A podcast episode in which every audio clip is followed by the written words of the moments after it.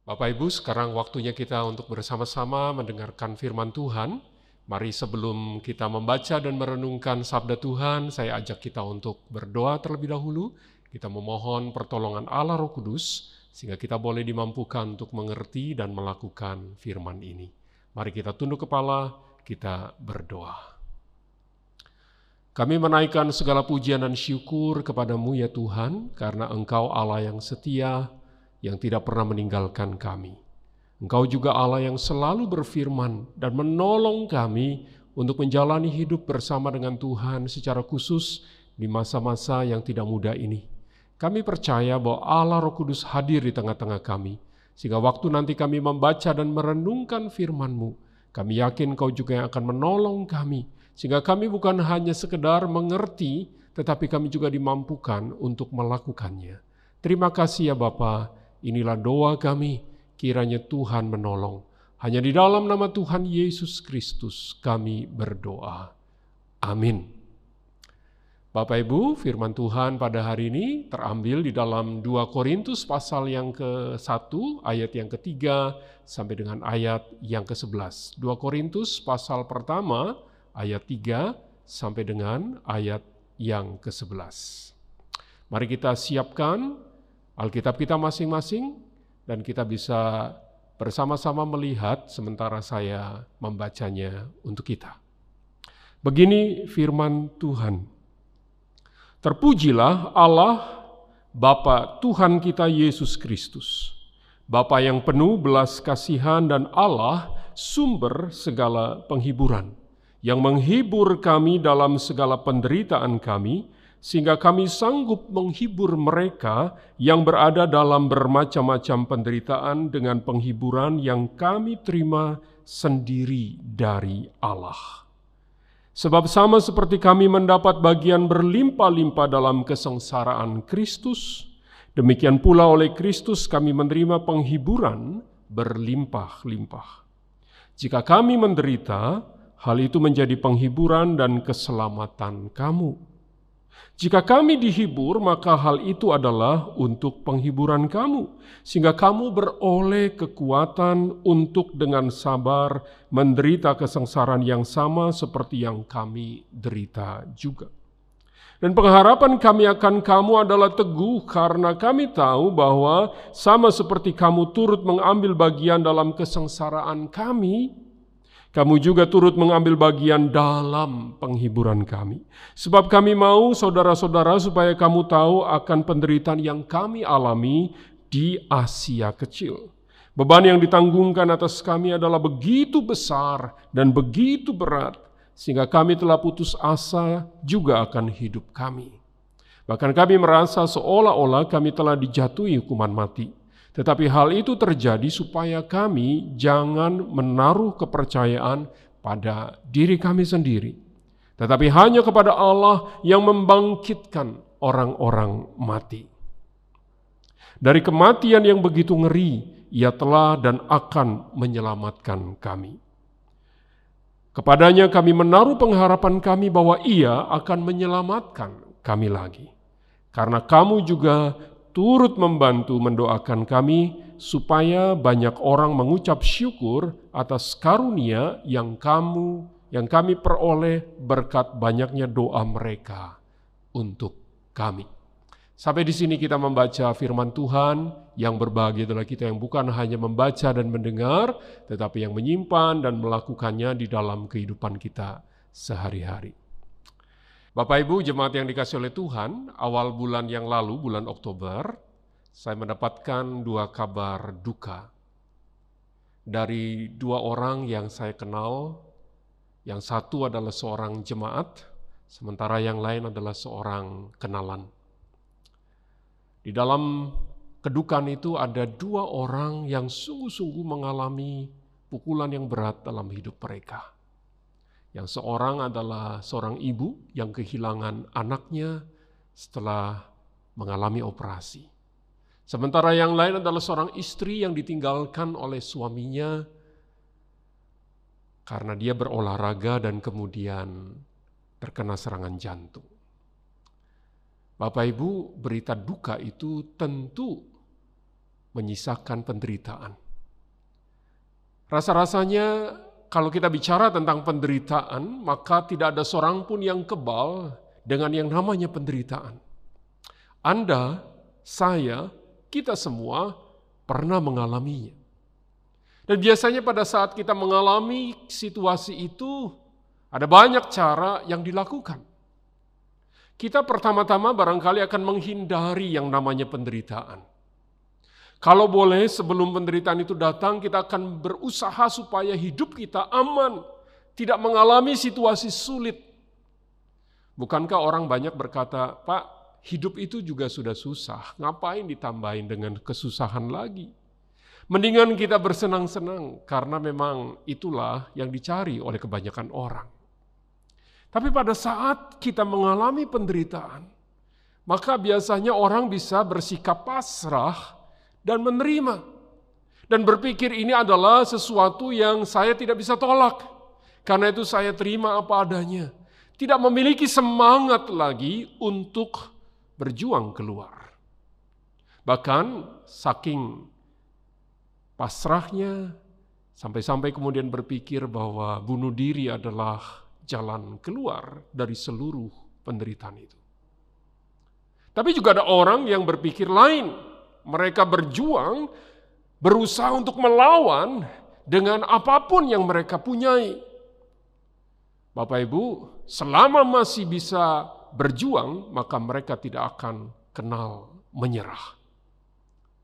Apa yang menjadi pilihan kita?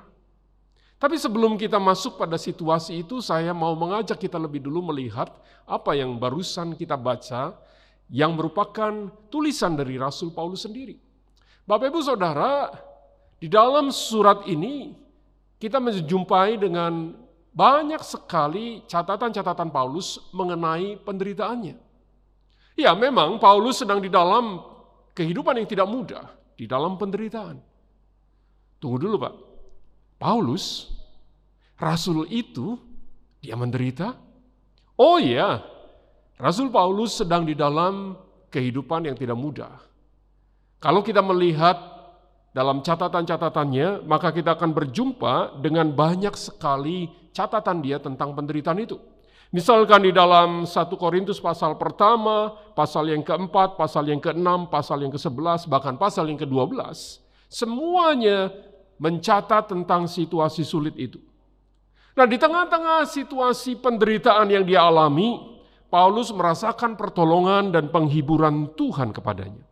Oleh karena itu dia mengawali bagian yang kita baca ini dalam ayat yang ketiga dengan sebuah pujian. Dia memuji Allah, Bapa itu sebagai Allah yang penuh dengan belas kasihan dan sumber penghiburan.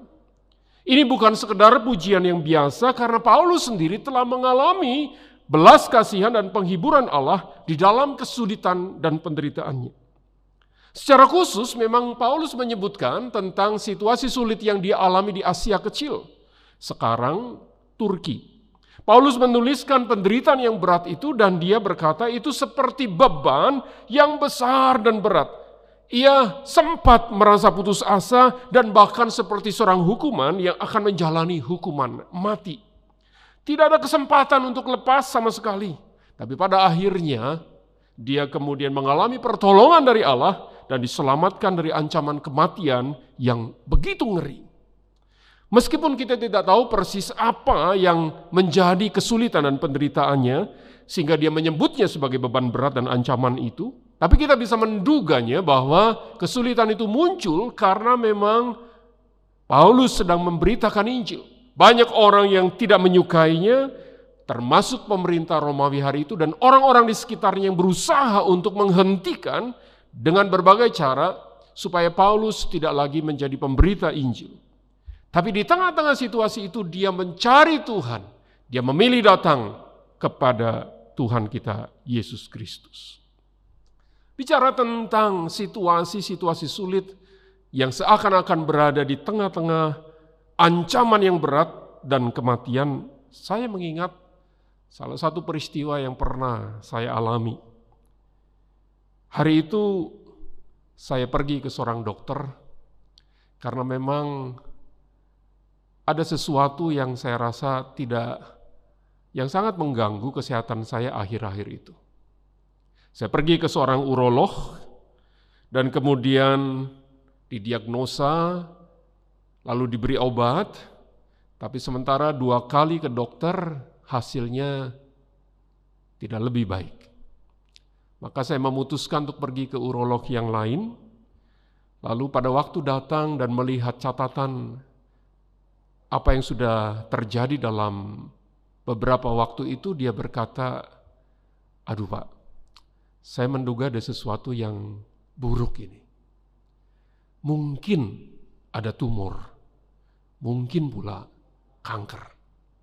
Untuk memastikannya saya mau mengambil jaringan itu. Saya akan melakukan biopsi. Lalu diputuskan itu harus dilakukan segera dan dia mencarikan sebuah rumah sakit lalu kemudian menyiapkan semuanya. Malam itu saya dibawa menuju ke ruangan untuk dioperasi dan kemudian dari ujung kamar itu saya sempat melihat istri saya dan anak-anak saya. Mereka tengah mengalami situasi yang tidak mudah dengan hal ini semua. Saya tahu mereka tengah bersedih, tapi saya tidak bisa berbuat apa-apa karena sebentar lagi saya segera masuk ke ruang operasi. Operasi sudah berjalan, dan kemudian saya sadar, lalu jaringan itu kemudian dibawa untuk dikulturkan dan dilihat apa yang sebenarnya terjadi. Tidak berapa lama kemudian saya diberitahu, dan satu sisi saya merasa lega karena itu ternyata bukan kanker atau tumor, tetapi di sisi lain saya juga tahu saya mengalami situasi yang juga tetap tidak mudah, belum lepas dari kesulitan. Ternyata saya didiagnosa terkena TBC sekunder. Bapak Ibu saya memang kena TBC tetapi saya tidak bisa menularkan orang lain.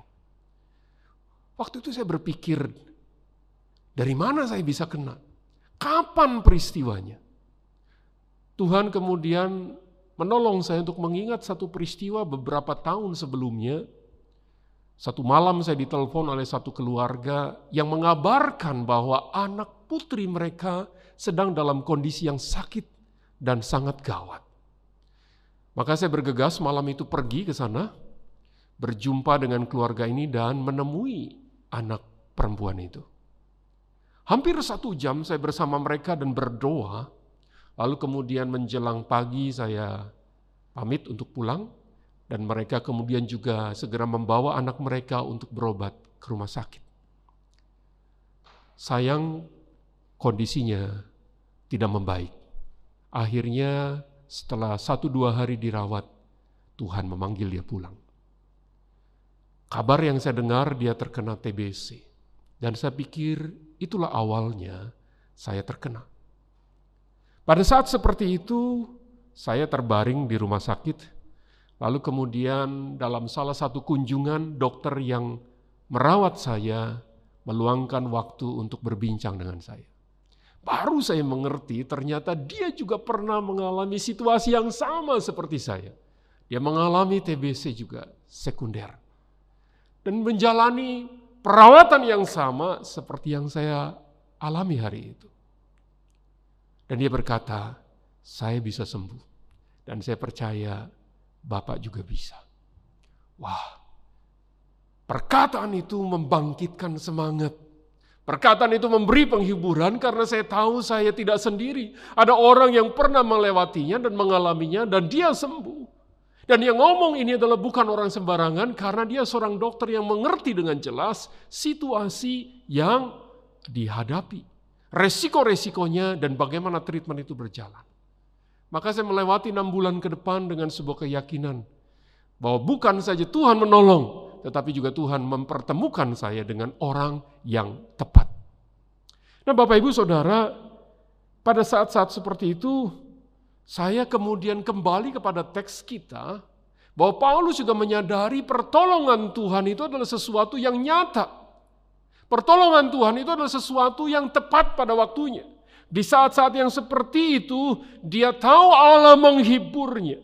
Dalam ayat yang keempat, kata menghibur itu adalah memiliki sebuah pengertian yang sangat spesifik. Seperti seseorang yang berdiri di samping Paulus yang sedang menderita itu. Dia, member, dia kemudian menepuk pundaknya, memberikan semangat baru, menemaninya melewati situasi yang sulit itu sampai tuntas. Dan kata yang sama ini juga adalah kata yang diberikan kepada Roh Kudus karena dialah yang disebut juga sebagai roh penghibur. Kristus mengutus Roh Kudus untuk menolong kita, menghibur kita. Bahkan Kristus sendiri yang oleh Paulus disebutkan adalah Allah yang memberikan penghiburan. Dia menolong kita di tengah-tengah segala penderitaan yang sangat berat.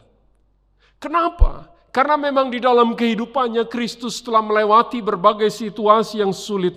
Dia pernah disalah mengerti, dia pernah diancam, bahkan akhirnya dia mengalami siksaan yang begitu ngeri, lalu disalibkan dan mati sebagai seorang yang terhukum di kayu salib.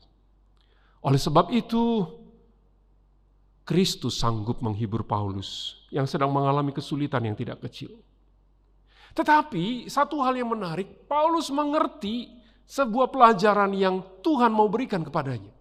Bahwa kalau dia mengalami penghiburan, itu tidak hanya berhenti untuk dirinya, kalau Allah menghiburnya, kalau Kristus itu memberi kekuatan kepadanya, itu tidak hanya berhenti sampai dia melewatinya. Tetapi Paulus mengerti satu hal bahwa pada saat dia mengalami pertolongan Tuhan, ditolong oleh Tuhan dan dihibur oleh Tuhan, maka dia sekarang bisa melakukan hal yang sama kepada orang lain. Penghiburan itu tidak hanya berhenti pada dirinya, tetapi dia tahu dia perlu meneruskannya pada orang-orang lain. Perhatikan apa yang dia tulis di dalam ayat yang keenam. Jika kami menderita, hal itu menjadi penghiburan dan keselamatan kamu. Jika kami dihibur, maka hal itu adalah untuk penghiburan kamu. Sehingga kamu beroleh kekuatan untuk dengan sabar menderita kesengsaraan yang sama seperti yang kami derita juga. Pikiran dan perhatian Paulus selama kesulitan bukan hanya untuk dirinya saja, melainkan juga untuk jemaat Korintus yang dia kasihi. Itulah sebabnya Paulus mengerti dengan jelas pengalaman dan penderitaannya itu adalah sesuatu yang indah di mata Tuhan. Karena melaluinya dia belajar untuk melayani jemaat dan menghibur mereka. Oh Bapak Ibu ini sesuatu yang membuka mata kita bukan? Bahwa memang Allah izinkan kesulitan itu datang supaya kita belajar untuk mengalami pertolongan Tuhan dan pada akhirnya kita dipakai oleh Tuhan untuk menjadi alat buat sesama kita. Tiba-tiba saya mengingat sebuah pengalaman yang pernah dialami oleh seorang hamba Tuhan. Saya mengenal seorang pendeta ini di dalam sebuah acara seminar dan pemuritan. Namanya adalah pendeta Peter Tanji. Mungkin Bapak Ibu pernah mengenalnya. Saya mengenal pendeta ini dari sebuah acara karena di dalam profil buku acara disebutkan apa yang sedia dia kerjakan. Dia adalah seorang pengusaha yang sangat sukses di negaranya, lalu dia merintis sebuah gereja Mula-mula hanya jemaatnya tidak berapa banyak orangnya, kemudian berkembang menjadi salah satu gereja besar di kota Manila sampai sekarang ini. Hari itu saya mendengar kesaksiannya. Pada awalnya saya tidak terlalu memperhatikan apa yang dia sampaikan. Tapi sampai pada satu kesaksian yang tiba-tiba membuat saya mengerti kebenaran ini. Bapak Ibu Saudara, hari itu bulan Februari tahun 1992. Pendeta Peter Tanci keluar bersama dengan istrinya dari rumah mereka untuk melayani satu kelompok kecil yang sedikit jauh dari rumah mereka. Mereka meninggalkan anak-anak mereka di rumah seperti biasanya, dan mereka melayani. Pada saat selesai melayani, mereka bergegas pulang ke rumah. Tapi alangkah terkejutnya mereka pada waktu sampai di halaman rumah, ternyata mereka menjumpai ada banyak mobil polisi dan begitu banyak polisi di halaman dan di dalam rumah. Dia bertanya dalam hati, apa yang terjadi? Bergegas dia lari masuk Dan dia menjumpai anak gadisnya. Rupanya ada sebuah kejadian buruk yang sedang menimpa anak gadisnya hari itu. Tidak lama setelah Peter bersama dengan istrinya keluar dari rumah, rupa-rupanya ada segerombolan orang yang masuk dan kemudian merampok rumah mereka. Bukan hanya merampok tetapi juga kemudian memperkosa anak gadisnya. Betapa hancur hatinya waktu dia mengetahui peristiwa itu. Dan dia berkata sebuah kalimat yang buat saya sangat-sangat menggambarkan kepedihan dan penderitaan itu. Why not me instead of her? Kenapa bukan aku ya Tuhan? Kenapa anakku yang mengalami situasi itu? Bukankah aku sedang pergi untuk melayani Engkau? Tidakkah Engkau sanggup menjaga keluargaku hari itu? Tidakkah Engkau bisa meluputkan mereka dari situasi dan penderitaan seperti ini? Apa jadinya kelak dengan mereka? Bapak Ibu, pertanyaan seperti itu muncul dalam pikirannya. Mereka sekeluarga sangat terpukul. Joy juga, sang anak gadis itu, begitu trauma dengan peristiwa itu. Mereka melewati situasi yang tidak mudah sejak hari itu.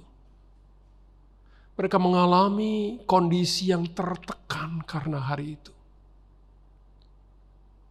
Bapak Ibu, tidak terhitung berapa hari, berapa malam mereka merasakan Seakan-akan peristiwa itu belum lama terjadi dan membuat hati mereka terluka. Joy kemudian belajar untuk menaruh percaya kepada Tuhan. Dia belajar tidak menyalahkan Tuhan. Dia belajar untuk tetap menaruh imannya kepada Tuhan dan akhirnya Tuhan memang memulihkan hatinya. Menolongnya melewati lembah gelap itu dan membuat dia kembali menjadi kuat. Bahkan kemudian dia memutuskan untuk dia mulai bersaksi tentang pertolongan Tuhan yang dia alami pada titik yang paling gelap di dalam hidupnya itu. Dia mulai berbagi dengan beberapa orang bagaimana Tuhan menolong dia. Bagaimana Tuhan menghibur dan mengangkatnya kembali. Dia kemudian diundang menjadi pembicara ke berbagai tempat dan berbagai pertemuan. Sampai dia memutuskan untuk menuliskan semua yang dia alami itu di dalam sebuah buku. Yang memberikan kekuatan kepada banyak orang, terutama mereka yang mengalami pelecehan seksual dan juga korban pemerkosaan. Joy berbagi bagaimana Tuhan menolong hidupnya. Karena Allah mengasihinya. Karena Allah memberikan kekuatan baginya. Dan itu juga yang kemudian menjadi kekuatan baginya untuk dia berikan kepada orang lain. Bapak ibu saudara sekarang Joy telah menikah dan memiliki enam anak serta seorang suami yang sangat mengasihi dia. Bapak ibu Memang kehidupan akan selalu membawa kita kepada berbagai macam kesulitan dan tantangan. Barangkali ada penderitaan-penderitaan yang akan dan sedang engkau dan saya alami hari ini. Situasi kita pada masa sekarang belumlah boleh dikatakan usai pandemi ini. Kita masih belum tahu berapa lama kita akan melewatinya. Kita masih belum tahu apa yang akan terjadi, apa yang akan menimpa saya dan keluarga saya. Tapi saya percaya satu hal ini seperti yang Paulus katakan bahwa Allah adalah Allah yang penuh dengan belas kasihan dan sumber dari segala penghiburan. Saya percaya Allah melalui berbagai cara menolong dan tidak pernah meninggalkan kita. Sampai kita lepas dari kesulitan itu, dan kita mengerti rencana Allah yang indah. Tapi Alkitab juga kembali mengingatkan kita bahwa semuanya itu Allah kerjakan supaya kita kemudian bisa menghibur dan menguatkan sesama yang berada di dalam kesulitan dan penderitaan. Tapi Pak, Saya sendiri juga dalam kondisi yang susah. Saya sendiri juga dalam situasi yang tidak mudah. Bagaimana mungkin saya bisa menolong orang? Bagaimana mungkin saya bisa menghibur mereka? Masalah saya saja pun tidak kalah berat dengan masalah yang mereka hadapi. Betul saudara, masalah kita tidak lebih ringan dari masalah orang lain. Tapi ingat satu hal bahwa kita memiliki Kristus. Kristus juga yang telah menolong dan terus menghibur kita. Dia berdiri di samping kita, memberikan kekuatan bagi kita untuk melewati semua situasi sulit itu. Kita perlu belajar dari Kristus. Bapak, ibu, saudara, ingatkah dia, ingatkah kita akan Kristus pada waktu dia berada di atas kayu salib. Sementara dia menanggung seluruh rasa sakit, pedih, dan luka yang begitu banyak, darah yang mengalir terus dari tubuhnya. Orang-orang di bawah mengolok-olok dia, para pemimpin agama juga menghinanya, bahkan prajurit itu juga kemudian melecehkan Tuhan. Mereka berkata, kalau engkau anak Allah turun dari salib itu dan selamatkan dirimu. Bahkan salah seorang penjahat yang disalibkan bersama dengan Tuhan juga mengolok-olok. Pada awalnya dua orang yang disalibkan bersama-sama dengan Kristus, mereka kemudian menghina Kristus karena memang mereka berpikir, kalau engkau anak Allah, selamatkan engkau dan kami hari ini. Sampai satu saat salah seorang penjahat itu kemudian menyadari keberdosaannya. Dia kemudian memandang kepada Yesus. Dan dia berkata, Yesus, ingatlah akan aku apabila engkau datang sebagai Raja. Yesus di dalam penderitaannya kemudian menghibur dan berbagi pengharapan kepada orang tersebut.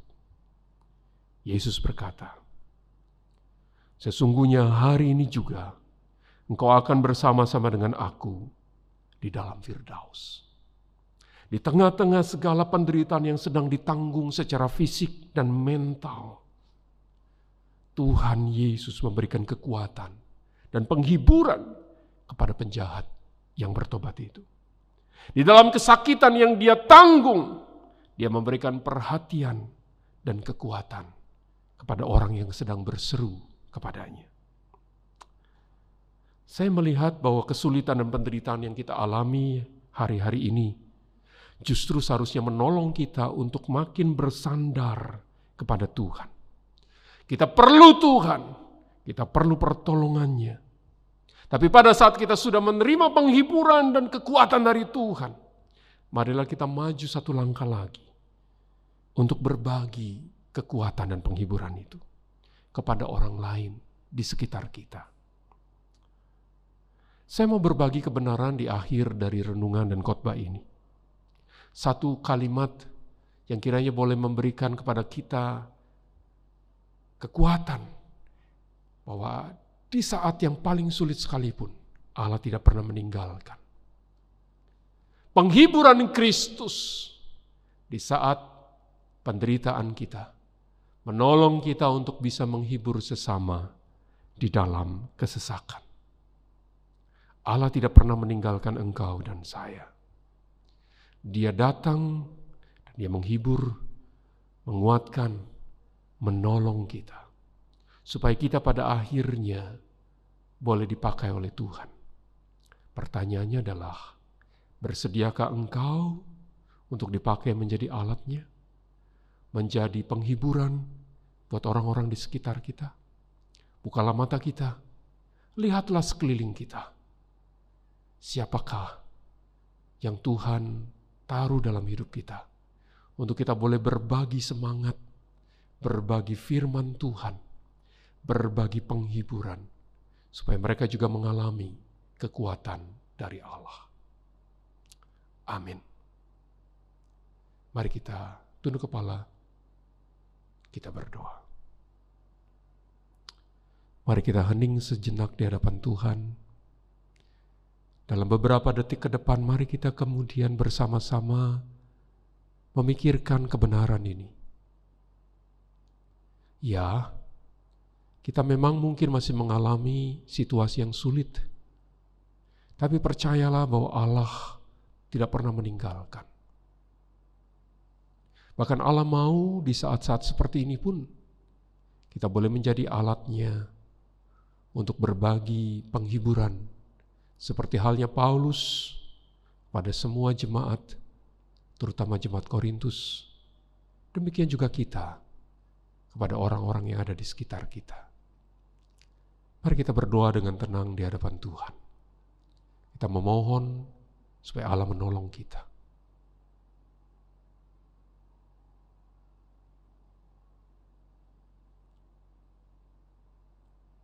Ya Yesus, kami percaya Engkaulah Allah yang penuh dengan belas kasihan dan sumber penghiburan kami.